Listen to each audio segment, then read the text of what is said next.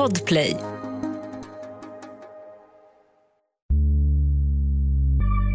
Päls kan ge pluring. I alla fall om den sitter på en mink. En minkpäls kan nämligen gå lös på minst 70 000 kronor. Men det räcker tydligen inte för Bob och Roland. Deras minkaffärer har svårt att gå ihop. Bokföringen är ännu värre. Den är kriminellt dålig. Välkommen till Misslyckade brott. I den klaustrofobiskt trånga bur som Podplay kallar studio sitter gnagaren Andreas Utterström och avpälsaren Mattias Bergman. Nytt avsnitt av podden kommer varje onsdag. Om du inte lyssnar i Podplay-appen. Där finns säsongens alla avsnitt redan nu, helt gratis.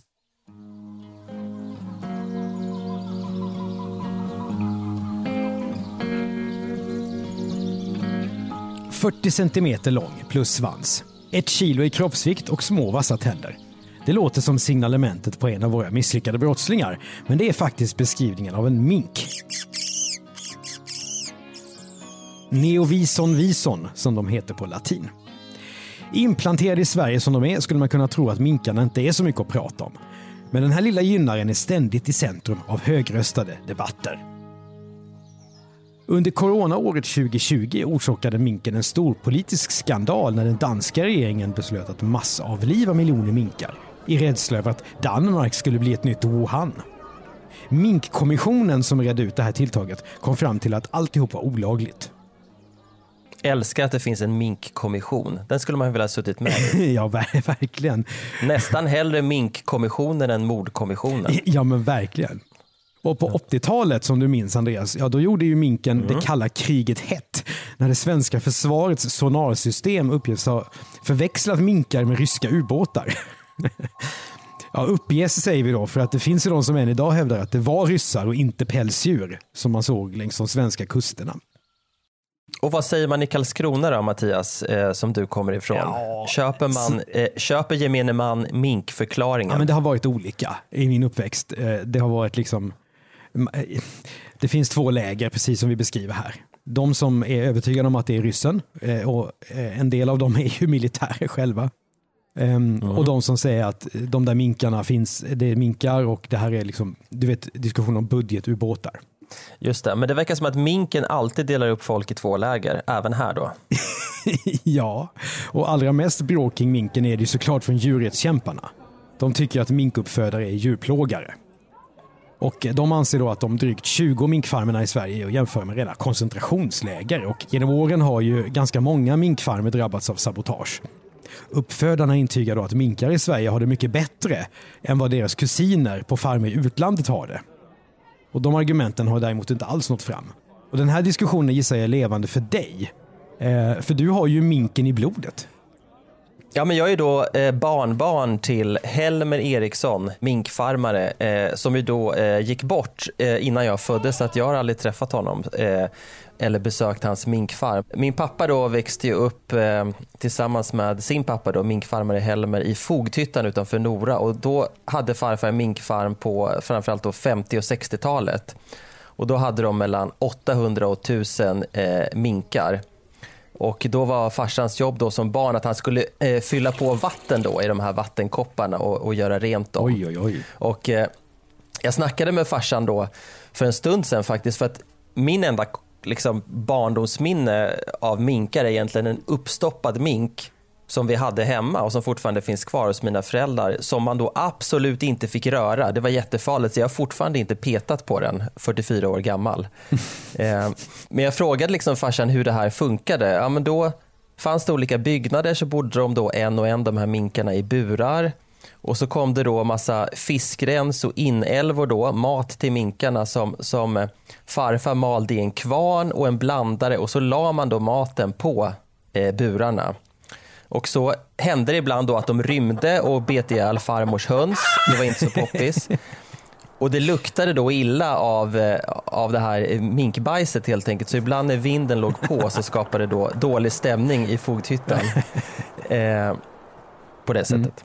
Men en som kan ha också bra historier om liksom sin pappa och minkuppfödning, det är ju då Bob, som vi kallar honom.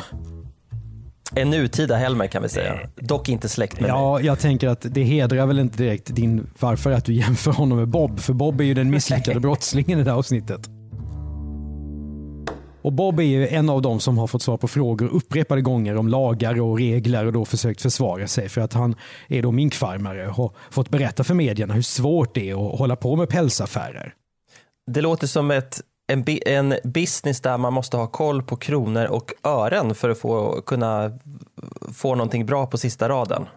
Men för att följa Bobs business då, så ska vi bege oss ner till Småland. Det här är då ett mytiskt landskap med sina mörka skogar, sin företagaranda och sitt Öland. Men det här landskapet har ju också en kriminell sida. Till och med böckerna av världens mest kända smålänning, Astrid Lindgren, är ju fyllda av brott. När Ida Svensson hissas upp i Katthults flaggstång till exempel, då kunde ju hennes bror Emil ha dömts till sluten ungdomsvård på kuppen. Ja, och inte första gången heller med tanke på vad han har hållit på med, fylleri och annat. Det är sant, plus att hans brott ständigt är dokumenterad av hans egen mamma i en dagbok. Ja, ja exakt. Hans mamma golar på sonen. Ja. eh, fruktansvärt egentligen. Det är en aspekt av Emil som någon litteraturforskare faktiskt borde ha eh, synat i sömmarna. Sen har vi då Ronja Rövardotter, en annan Astrid Lindgren-historia som har älskats av tre generationer svenskar. Det är ju också bara en beskrivning av en stackars flickas otrygga uppväxt i ett hem. med- Det är ju ett kriminellt nätverk hon är del av. Nej, men det här skulle ju handla om Bob ju. Jag tänker att nu har det varit Helmer och allt möjligt annat. Vi måste ta oss ner till Småland här nu. Ja, nu har vi gjort en lång setup här till Bob och hans eh, Ja, pälsbusiness. för att Bob är då minkfarmare i Småland i tredje generationen. Vi är här utanför Kalmar. Och här föder Bob upp 30 000 minkar per år. Det är mycket mer än Helmer hade. Och det är ju en ansenlig... Ja, och Bob gör ju också detta på heltid och till skillnad Ja, från gud farfar. ja. Men 30 000 minkar om man jämför med, med Helmer, alltså det här måste ju vara, eh, det är ju en jätteindustri om man jämför. Det här är då en ansenlig verksamhet som Bob bedriver i två bolag. Eh, Det finns ett huvudbolag skulle man kunna säga och ett där han har själva minkförsäljningen då. Så han skiljer från produktion och försäljning. Det är ju Bob själv då och ett par anställda som sitter där vid minkfarmen och sliter och i arbetstoppar när djuren ska pälsas av dem. Då tar man in extra personal. Den här verksamheten har då startats av Bobs far som både håller på med mink och hundfoder. Bobs pappa är en skicklig entreprenör då i den här ganska svåra branschen för minknäringen tycks kantad av negativa nyheter. Bobs pappa har haft problem med tillståndet från miljö och hälsoskyddsnämnden och han har anklagats för att föda upp mink utan tillstånd. Bobs pappa anklagas för att ha förgiftat en anställd med insektsgift på en av sina farmer. Och så är det ju ett evigt liv då om att uppfödningen gör att hela bygden är plågad av flugor. Men Bobs far, han vägrar att ge upp sin minkuppfödning. Det är ett hälsosamt yrke med mycket utejobb. Som han säger till en lokalreporter. Som mest så har Bobs pappa 70 000 djur. Fick du veta något mer om, om minklukten, Andreas? Jag frågade farsan om det. Han sa att man blir ju liksom avtrubbad när man är i det där eh, hela tiden. Men, men när folk kom på besök då till, till eh, huset då så rynkades det ju en del på, på näsan. Och det var ju främst då de här eh, gödselhögarna då som eh, där det då växte fruktansvärt mycket brännässlor. Så att det måste ha varit en, en eh, riktig syn där i, i fogdhyttan.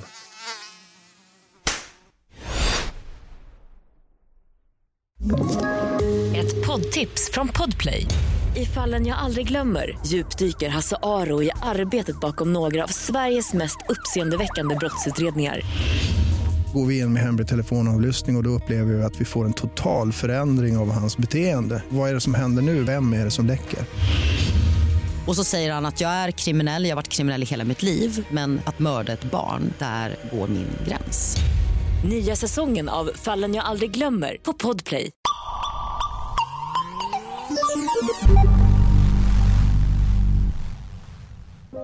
Men 2005 så dör Bobs pappa hastigt och nu är det upp till hans son då att fortsätta med minkarna. Bob är ungefär 50 år och tyvärr är inte han lika driven i affärer som far sin. Han är också dyslektiker enligt egen uppgift. Och läsa papper är inte roligt. Och även om Bob hämtar ut bankdosor så att han kan identifiera sig på nätet och kolla de här affärerna så visar det sig att han loggar aldrig in. Bob bryr sig om päls, inte pengar. När pappa skötte allting, då var det ordning på torpet och ordning i bokföringen. Men nu tar Bob inte ens in posten, säger han. Ja, det här visar väl eh, problemet med att känna sig pressad att ta över stafettpinnen efter sin pappa och, och, även om eh, just min pappa då är extremt ordningsam för att inte säga pedantisk så är det kanske ändå var bra då att han inte tog över eh, minkfarmen. inte minst för mig då som, som slapp ägna barndomen åt att eh, fylla på vatten åt minkar och göra rent eh, alger ur de här liksom, små skålarna som de drack ur. Ja, du, det, det ska du vara glad för. Ja, Bob har alltså inte riktig ordning eh, och det vet han om också. Så därför är det plats på scen för Bobs syssling som vi kallar för Roland. Och ska vi säga också att Bob heter något Ja, det gör även Roland. Mm, Roland är inte någon pälsexpert utan han har bland annat drivit reklambyrå. Men nu kommer Roland att hjälpa Bob att sälja 35 av Bobs fastigheter. Som han då ofta har ärvt efter pappan då. Och varför säljs de här husen? Jo, Bob behöver pengar. Hans lån är på 19 miljoner, vilket företagsrådgivaren på storbanken i Kalmar vet mycket väl. Han har koll på Bobs ekonomi och att Bob ligger efter med lånen är tydligt. Det är helt enkelt motigt här nere i Småland nu. 2011 härjar en storbrand på en av minkfarmerna och året efter får Bob smäll på fingrarna när han har svartbyggt ett 13 meter högt torn på en annan av sina anläggningar. Tornet säger han att han ska ha för att kunna spana på det han kallar terrorister. Alltså djurrättsaktivister som ständigt hotar att släppa ut minkarna i skydd av den småländska nattens mörker. Men du, hade din farmor då minkpälsar och grejer? Det måste ju ha varit en liksom, yrkesskada. Ja, men hon hade, de hade sytt upp en eh, minkpäls åt henne och även en mössa. Och, och så kommer mm. jag ihåg också, och de var sålda eh, eh, när jag växte upp. Däremot hade vi kvar i någon papplåda någonting som jag inte kommer ihåg vad det kallas för, men det var en grej man la över axlarna. Eh, det såg liksom ut som en minkropp där klorna fanns kvar. Som då farmor hade lagt över, över axlarna. Det såg otroligt bisarrt ut och, och skulle någon sätta på sig en sån nu och gå runt på stan så är det nog inte bara djurrättsaktivister som skulle eh, reagera. Väldigt liksom märkligt plagg som jag tror att få i Sverige använder idag. Frågan är väl vad ska hända med den här uppstoppade minken den dagen mina föräldrar dör? Ska, ska, kan inte slänga bort den, då får liksom jag och min brorsa då singla slant om vem som ska ha en uppstoppad mink hemma i, i bokhyllan. Eh, en, eh, ja, det, det, går liksom inte att, kan ju inte sälja den. Jag kan ta den. Så gör vi. Jag skulle lätt ha den. Mina föräldrar älskar ju dig så, så att eh, det är mycket möjligt att det redan är inskrivet i deras testamente faktiskt. ja, låt oss återgå till Bob nu för jag vet inte vilken gång i ordningen. Ja, affärerna med minken är inte heller så lätta att få ihop för Bob. Jordbruksverket ändrar reglerna så att minkarna måste ha större burar och det kostar ju pengar. Som sidosyssla försöker Bob då sälja hundfoder och slaktavfall, men det går aldrig runt. Och ständigt är det då tjafs om flugorna som surrar över bygden och som lokala myndigheter hävdar kommer från Bobs farmer. Vad finns det att göra här då? Det verkar som att Bob tvivlar på att Sverige är rätt plats för minkaffärer. Han lämnar nu sitt ena bolag och åker till Lettland för att starta farm där istället. Tanken är att sälja mink till ryssarna och vi vet ju alla något fördomsfullt att många ryska damer tycker om mjuk, lyxig päls. Att Bob har någon form av flyktbeteende det kanske inte är så konstigt. För Skatteverket är också efter honom nu och Bob tycker att de har dragit skatt i förväg, vilket de inte borde. Jag blev psykiskt sjuk av det. Ska Bob senare berätta. Goodbye Sweden. Men Lettland är inget eldorado för Bob. För EU inför nu ett embargo, ett exportförbud mot Ryssland. Så den här tänkta affären med rysk mink, den kommer inte att fungera. Du, han har ingen rolig företagarresa den här mannen. Eh, oavsett vad man tycker om minkuppfödning så är han ju liksom ansatt från alla håll. Det är djurrättsaktivister, det är myndigheter han känner sig eh, motarbetad av och nu kommer EU ja, också. Usch, ja. För det är ju lätt att starta företag i Sverige, men att växa och vara framgångsrik det är ju svårare. Bob verkar nu vara ett paradexempel på alla familjeföretagares mest hatade uttryck. Förvärva, ärva, fördärva. Det är alltså att farfar bygger bolagen, sonen ärver dem, men den tredje generationen då, barnbarn som Bob, de lyckas inte. Och skönt då att jag slapp bli tredje generationen då, för då är det jag som hade kört allt i botten. Om du hade varit minkfarmare hade vi aldrig suttit här idag. Nej, förmodligen inte. Minkpodden, kan det vara något? Eh, vill du starta en minkpodd, mejla till Misslyckade at bplus.se. Frågan är om stödet från sysslingen Roland kan vara en lösning på Bobs problem. Roland och Bob ses, enligt vad de sen ska berätta, bara några gånger per månad. Roland har avtal att han ska jobba tre dagar i veckan för Bob. Och sen har vi Rolands fru. Hon har jobbat på Skatteverket så hon kan ju räkna. Hon sitter i pälsbolagens styrelse för att kunna skriva under papper eftersom Bob ofta är bortrest och hon är på plats. I februari 2015 knackar Skatteverket på dörren för att göra en koll av Bobs bolag. 24 kilo papper tar de med sig. Det tar ett år för dem att läsa och tänka. Och så rullas en historia upp som är lika snårig som pälsen på en mink i dreads.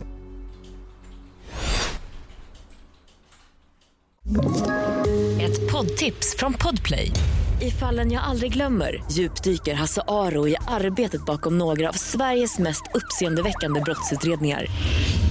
Går vi in med hemlig telefonavlyssning och, och då upplever vi att vi får en total förändring av hans beteende. Vad är det som händer nu? Vem är det som läcker? Och så säger han att jag är kriminell, jag har varit kriminell i hela mitt liv men att mörda ett barn, där går min gräns. Nya säsongen av Fallen jag aldrig glömmer på Podplay.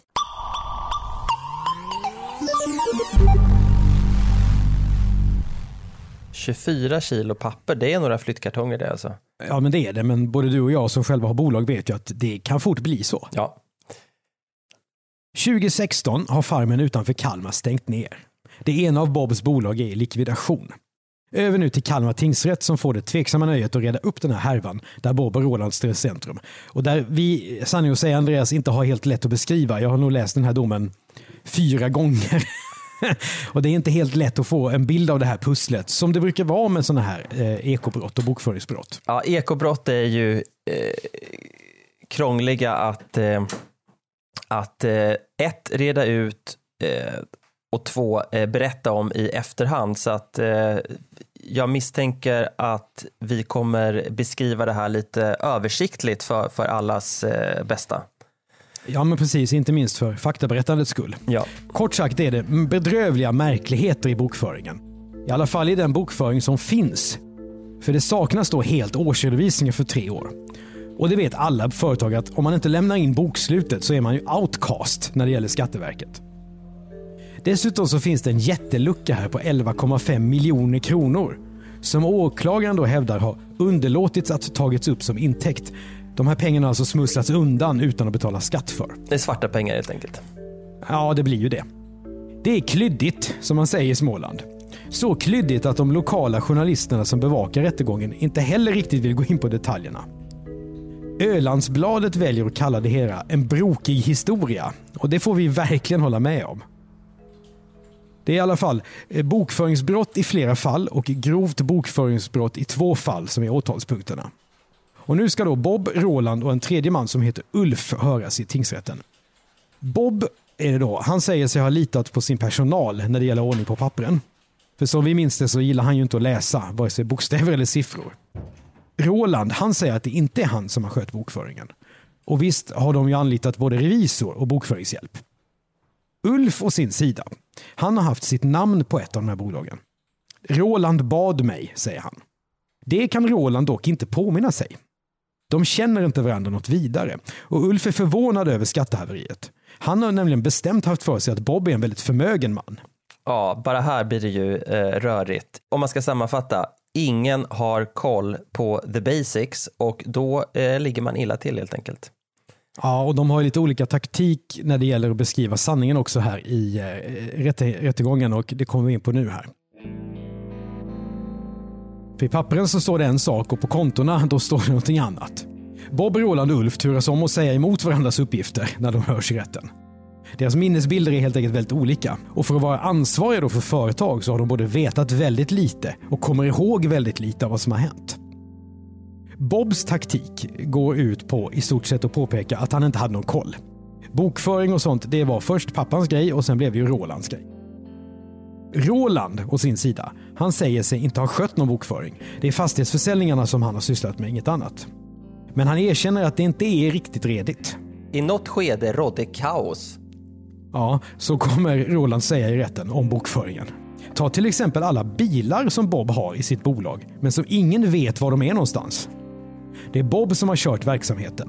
Han har gjort inköp, wheelat och dealat om minkskinn med uppköparna, han har betalat personalens löner. Bob Är en skicklig minkfarmare, men snarare praktiker än teoretiker. Ja, som Roland ska säga. Ulf då? Han säger att han har verkligen frågat Roland om böckerna är i ordning. Ja då, har Roland sagt då. På årsredovisningar som trots allt finns, då står det Ulfs namn. Men signaturen på en av de där årsredovisningarna säger Ulf inte är hans, utan någon annan måste ha skrivit dit den. Åh herregud, kan du tänka dig de stackars domarna och nämndemännen som faktiskt måste eh, reda ut det här för att liksom kunna komma fram till skyldig eller inte skyldig. Det, här måste ju vara så fruktansvärt eh, tidsödande. Ja men det är det ju. Och jättesvårt. Och det, I praktiken går det ju inte att reda ut om vem som talar sant eller inte skulle jag säga. Nej. Ulf är i alla fall medveten om att eh, eftersom han har stått på bolag så kan han inte bara rycka på axlarna. Han har inte sett någon årsredovisning för året 2015 men han vet att han är ansvarig för den. Oops. Åklagaren har gott om papper som fungerar som bevis. Det är tre års årsredovisningar, det är listor på in och uttag på konton, det är allehanda räkenskaper samt brev från Bobs kunder, till exempel Seattle Fur Exchange. Men så saknas det också viktiga papper även för åklagaren. Till exempel de där 24 kilona bokföring som Skatteverket skärskådade. För när skattmasen var klar med sin kontroll skickades pappren tillbaka till minkföretaget med posten. Frågan är, vem hämtade ut pappren och kan därmed ta ansvar för dem? Roland och Ulf har i alla fall ingen aning. Det var ingen av dem. Var är räkenskaperna nu då? Bokföringen är rena Svarte Petter, som alla de här tre herrarna, de skyr den som pesten. Bob säger att han vet inte alls var pappren finns. Men de här pengarna Mattias då, som hade försvunnit, var, var är de någonstans? Ja, men det är såklart det värsta eh, i, i målet. Det var då 11,5 miljon som har förts ut ur bolaget. Och, ja, då kan man säga så här att det är då förskott på minkskinn som då har tagits upp som skulder i bokföringen. Och det är riktigt gjort. Men sen när skinnen har levererats sen, då är det ju ingen skuld längre utan en intäkt. Och då har de inte satt upp det som en intäkt utan den här skulden har de då kvittat mot en fordran på en närstående. Ja, det är helt enkelt bokföringsmässig jujutsu här att försöka få eh, flytta pengar från en kolumn till en annan för att slippa betala skatt. Ja, det kan man säga. Och tingsrätten skriver så här. Att en så i ögonfallande åtgärd skulle vidtas måste ha avgjorts av bolagets ledning. Mm, exakt, och här får vi en fingervisning om att det kanske kommer att, att gå lite illa för Bob och Roland. De döms för bokföringsbrott och grovt bokföringsbrott. Det spelar liksom ingen roll att man har litat på andra när man själv sitter i styrelsen och ska skriva på årsredovisningar. De döms bägge till villkorlig dom med samhällstjänst i 120 timmar. Men vad värre är så döms Bob och Roland till näringsförbud i fem år. Ingen mer pälsbusiness alltså. Och ingen chans för Bob att försörja sig som företagare. Ulf döms för bokföringsbrott och han får 50 timmars samhällstjänst. Men inte straffen här förvånansvärt låga om det ändå är 11,5 miljoner som man har fört ut? Jag hade nog tippat på att de skulle dömas till fängelse faktiskt. Ja, och där, omräknat så skulle ju de här straffen kunna ge fängelse, men Roland är för gammal eh, anses det och Bob är ju dessutom ostraffad sedan tidigare. Just det. Dessutom så får de inte avdrag på straffen därför att det har tagit mer än sex år från att brotten avslöjats till att domen faller. Och det är då inte Bob, Roland Ulfs fel. Eh, nej, det är de här stackars eh, utredarna och eh, de anställda på Skatteverket då som har lagt fruktansvärt mycket tid på det här misstänker Ja jag. men exakt, exakt. Och nu får Bob en chans att vända utvecklingen. När han överklagar domen till hovrätten får han juristerna med sig. Eftersom Bob faktiskt drev bolag utan anmärkning i 20 år innan de olycksaliga åren efter 2012 så stryker hovrätten näringsförbudet. Det blir fritt fram för Bob att bedriva pälsnäring igen. Hur var det nu med det gamla talesättet förvärva, ärva, fördärva då? Att tredje generationen blir den sista i ett familjeföretag. Forskare har faktiskt visat att det där ordspråket inte stämmer, utan många släktgrundade bolag lever vidare längre. Men Bob hinner tyvärr inte bevisa sig.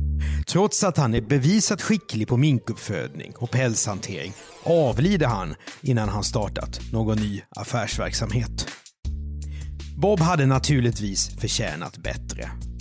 För även om man jobbar i en omdiskuterad bransch så är ett misslyckat manschettbrott bara en parentes i en så lång karriär. I nästa avsnitt går vi tillbaka ända till 1600-talet och berättar historien om Anders. En person som begår misstaget att stjäla från kyrkan.